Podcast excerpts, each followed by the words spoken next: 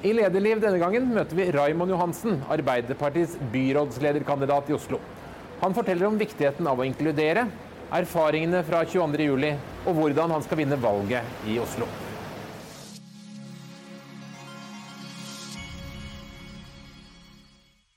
Raimond Johansen, vi er på vei inn i valgkampen, og du skal vinne, kanskje bli byrådsleder i Oslo. Hva er eh, trikset i år? Hvordan skal dere vinne? Snakke om vår egen politikk. Hva vi vil med hovedstaden etter 18 år med Høyre og Frp. Eh, Oslo vokser med Molde by hvert annet år. Det har stor betydning for eh, miljøpolitikken.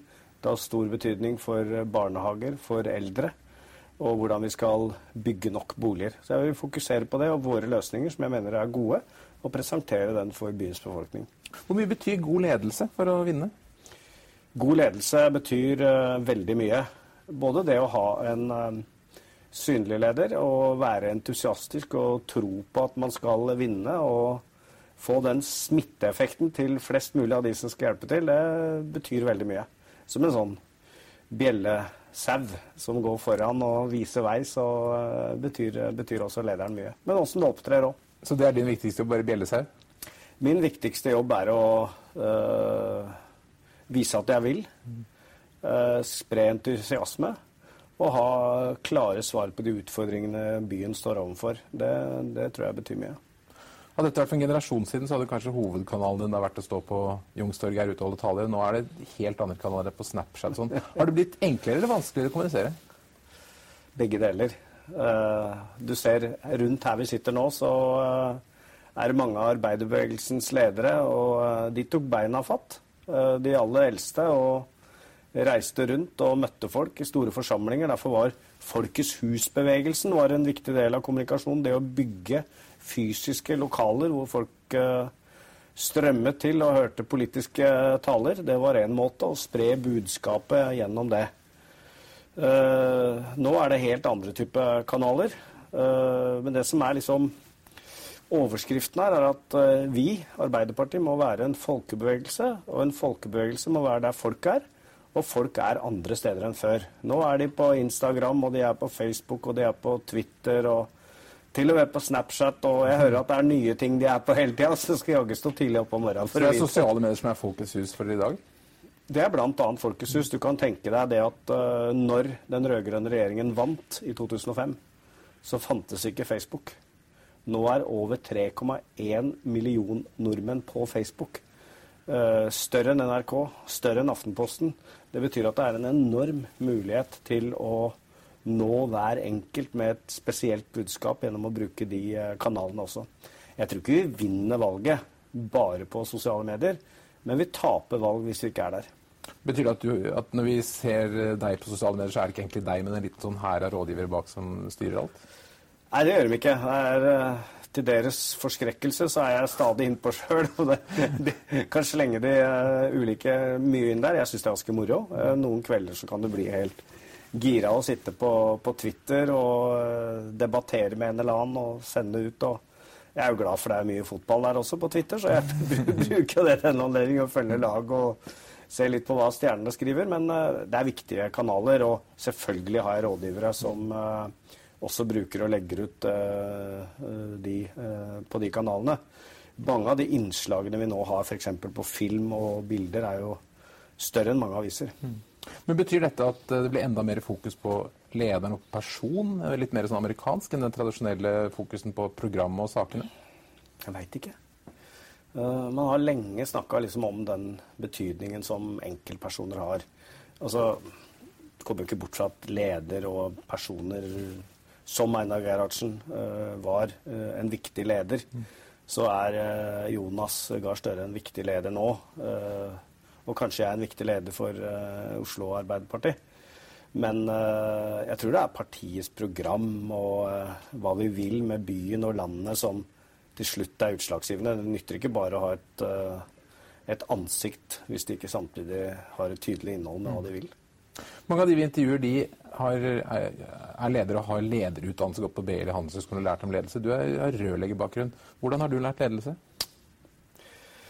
Ja, jeg har lært uh, ledelse. Altså, når du er eh, rørlegger, så har jeg vært så heldig å vært bas på et par bygg. Uh, det er en ganske krevende lederjobb, fordi du jobber akkord. Og du, hvordan du legger opp jobben, har faktisk betydning helt konkret for hvor mye penger folk får inn i lommeboka. Det gjelder at eh, hele, alt arbeidet skal foregå effektivt som mulig når fagforeninga kommer og måler jobben. Så det uh, lærte jeg mye av. Ellers så skal jeg si første gangen jeg blei leder jeg fikk min kontorjobb, var når jeg blei samferdselsbyråd i 1991. Og da hadde jeg en uh, veldig spesiell følelse. Det jeg var en uh, som var teknisk direktør, da, for jeg leda en avdeling som het miljø og samferdsel. Så var det en uh, teknisk sjef, kommunaldirektør. Han het uh, UF Beikmann, Ulrik Fredrik Beikmann. Den, den gamle skolen. Ordentlig koselig mann. Så da hadde han liksom tatt Og jeg hadde ansvaret for 15 etater. da, Alt fra Oslo Energi til Oslo Sporveien til Vegvesenet til renholdsverket og sånn, så lå det på toppen av pulten. Jeg kom opp i 11. etasje, vestre tårn, sløyfe rundt det og 11 sånne årsrapporter. Kjære byråd, velkommen til oss. Og da så jeg utover, utover sjøen og lurte på hva pokker jeg gitt meg ut på nå. Ja. Så jeg blei liksom kasta inn i det. Men det lærte meg veldig, veldig, veldig mye. Blant annet det å bruke andres kompetanse når du kommer der. Så her er det tross alt mennesker som kan enormt mye. Og så har du selv eh, tydelig politisk program. Så er det å lede gjennom andre, stille spørsmål, være ydmyk, men være tydelig på at du skal konkludere etter hvert. Så jeg har lært det gjennom på en måte konkrete ting. Har du noen sånne spesielle mantraer eller læresetninger for deg selv som du støtter deg på i ledelse? Ja, det er uh, å være tydelig og si det samme uh, til alle som er rundt deg. For jeg har ikke noe tro på sånn én-til-én-ledelse. En leder som går rundt og snakker bare til én og én, og ikke til alle og gir det samme klare budskapet. Og samtidig det at du inviterer folk inn i en prosess. Når du, før du har fatta en beslutning, det å tenke sammen, ha problemstillinger sammen, få opp mange eh, problemstillinger før du konkluderer, da sitter på en måte beslutningen. Da er det forstått. Da har vi sammen vært gjennom en prosess som har ført til en konklusjon. Det er ikke en som har sittet på sitt lønnekammer og tenkt ut ting og sier at sånn vil jeg ha det. Men det at flest mulig er med på veien fram til målet, det oppfatter jeg som veldig god ledelse. Det er mye lettere å gå på etterpå. Hva er den største suksessopplevelsen du har hatt som leder? Uh, jeg, når jeg var generalsekretær i Flyktninghjelpen, som var en organisasjon på flere tusen ansatt. Så uh, gøy vi er løs på etter hvert ganske tøffe omorganiseringer. Uh, og så oppdaga jeg under den prosessen Jeg hadde to eksterne uh, konsulenter som jeg jobba veldig tett med, også sånn personlig, som guida mye. Og så oppdaga jeg at det kom til et stort allmøte. Så oppdaga jeg det at jeg ikke hadde de ansatte med meg. De forsto ikke hvorfor jeg ville dit jeg sa jeg skulle. Og så uh, måtte jeg ha ett møte til dagen etter. Da sa jeg at jeg beklager, jeg går et skritt tilbake. Uh, fordi jeg føler at jeg har gjort en for dårlig jobb med å få med. Så starter vi prosessen igjen. Uh, så gjorde vi det. Uh, Forsinka den i flere måneder. Men så kom fram til et fantastisk resultat som jeg ser at har betydning for Flyktninghjelpen i dag, når det har vært det snakk om prioritering av hvilke kjerneområder det var, og hvordan vi skulle organisere. Så jeg er veldig stolt av det at jeg ikke hadde investert så mye prestisje i at jeg bare kjørte over, men hadde det motet, selv om det kosta veldig mye, til å si at nei, jeg har ikke vært god nok. Eh, jeg beklager, jeg drar det tilbake og igangsetter prosessen igjen. Så eh, det tror jeg har gjort meg til en ydmyk leder i den forstand at uh, jeg tror jeg ser viktigheten av å ha med uh, alle de, uh, de, rundt meg mm. for at sluttproduktet skal bli best mulig.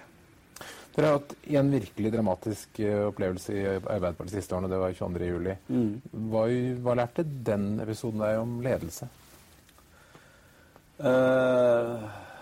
det har vært den mest sjelsettende opplevelsen i mitt liv. Både som menneske og som leder.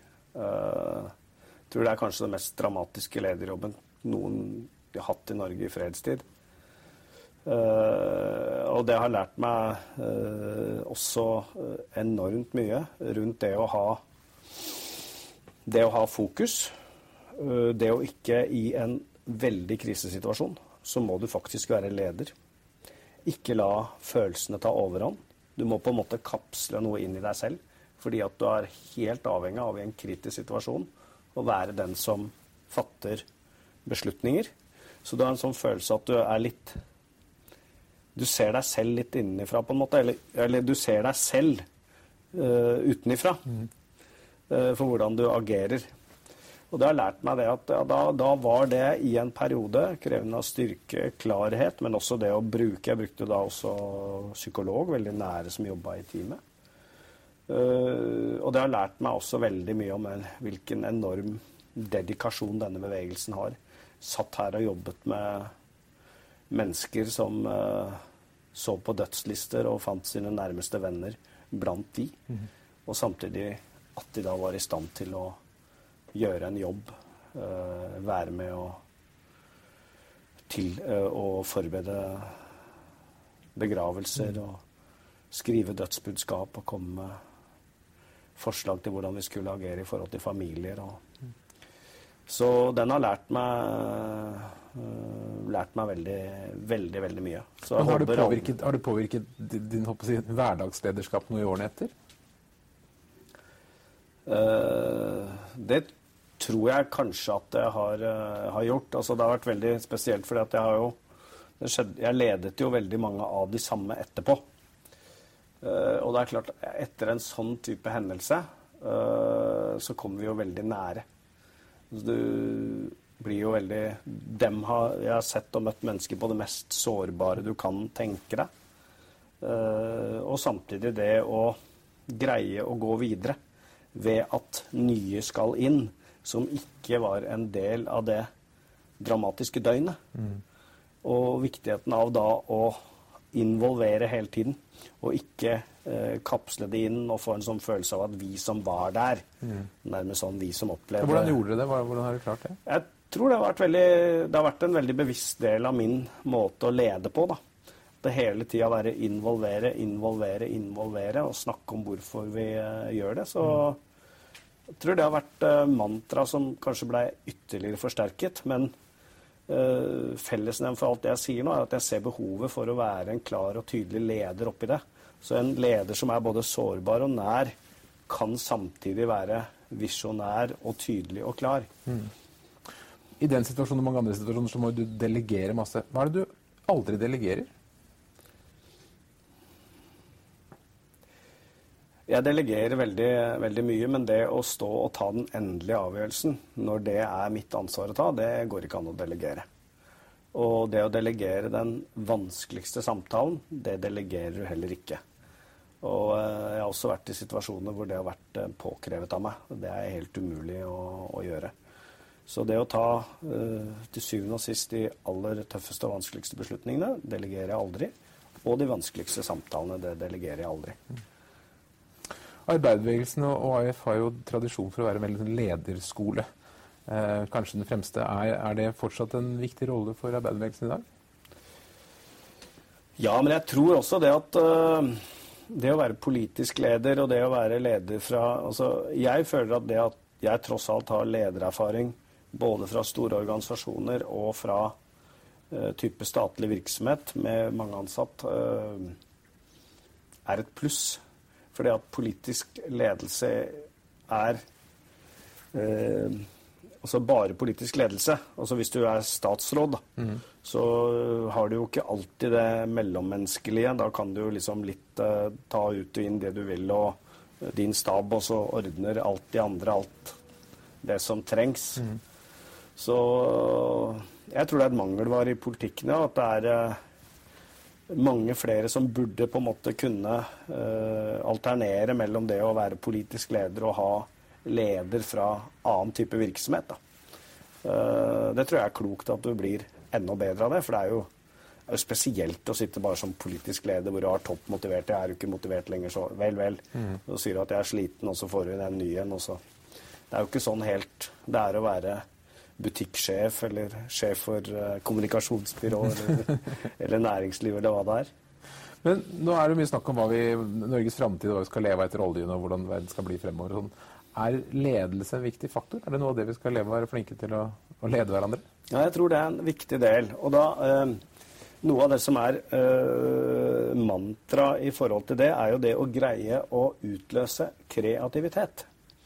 For det er jo Kunnskap er jo noe av det vi eh, er jo noe av det vi skal leve av. Det å tilrettelegge for at folk både kan utvikle sine evner og talenter og bruke sin kreativitet. Eh, det krever ledelse. Paradoksalt nok, liksom. Mm.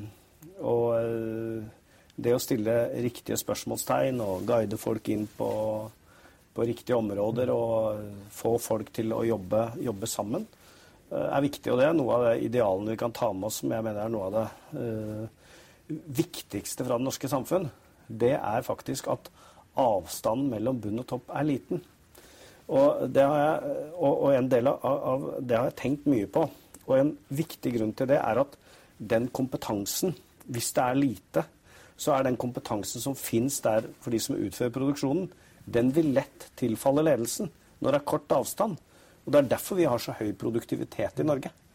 Fordi man hele tida liksom snakker med de som er ansatt, og de kommer med ideer på bedre løsninger. Derfor har vi kunnet på en måte tålt å ha et så høyt lønnsnivå, fordi produktiviteten har vært så høy.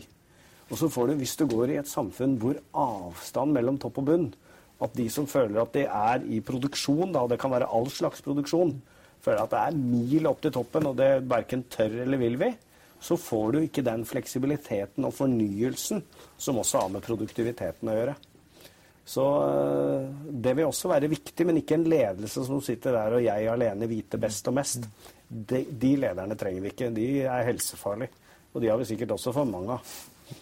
Du har sett mange unge folk komme opp som ledere i arbeiderbevegelsen og sikkert andre steder. Hva er det du, når er det du ser at det er en bra leder? Hva er liksom kjennetegnet på en person som kommer til å bli en god leder? For meg er det hvis han uh, evner A å si at han tar feil, og inkluderer og lytter egentlig. For du lytter og du konkluderer ved at du faktisk viser at du har hørt. Og at du blir klokere gjennom at samtalen med andre. Det er veldig lett å avsløre en leder som sitter der og sier noe, og så lar han andre slippe til, og så konkluderer han omtrent akkurat som han har tenkt uansett. De lederne har ikke jeg tro på. Og det ser jeg fort at det er noen som har evnet å få med seg folk. Og det er fordi han er god til å lytte og konkludere.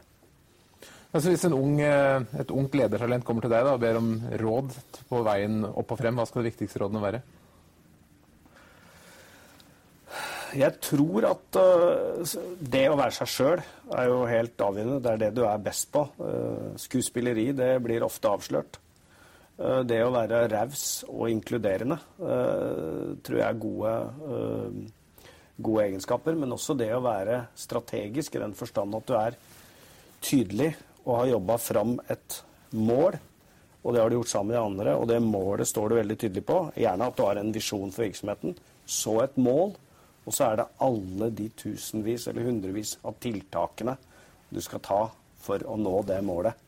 Og at alle er med på den reisen sammen, det vil jeg gi et uh, veldig godt råd på. At du ikke bare hopper og spretter fra din tue, og folk lurer på hva som kommer i dag, og lyse ideer, og hvilken avis lederen har lest på morgenen i dag som preger hverdagen.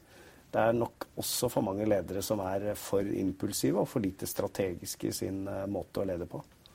Hva er de viktigste delmålene for å vinne valget i Oslo i år? Uh, også, Målet er valgseier. Delmålet er å ha fokus på våre saker. Det er uh, miljø og klima, det er full barnehagedekning, det er å gjøre noe med eldreomsorgen, og det er å få fart på boligbygginga. Greier vi å ha fokus på det, og folk tror på våre løsninger, så greier vi å vinne 14.9.2015. Og Hvis du ikke vinner, er det din skyld? Eh, jeg må jo ta, ta, ansvaret for det, så eh, jeg har en veldig sterk eh, skyld hvis vi ikke klarer det. Så det motiverer meg. Jeg er helt sikker på at vi kommer til å, å klare det. Så jeg har egentlig ikke noe annet fokus. Så får jeg telle opp på natta der og se hvor glad eller lei meg jeg blir. Hvis du går tilbake som rørlegger, eller? Nei, det er jeg ikke i stand til. Eh, det er å kokettere. For det første har faget utvikla seg så mye, og jeg har blitt eh, eldre og har veldig stor respekt for eh, hvor tøft og hardt det er. Så de vil verken ha meg eller jeg. Jeg har ikke evnen til å gå tilbake. Så kommer nok til å jobbe i rådhuset uansett, om du er som byrådsleder og opposisjonsleder. Men det er byrådsleder. og Jeg skal inn i første etasje, østre tårn. Der er byrådslederens kontor. Og det skal bli midt etter 14.9. Og det er målet.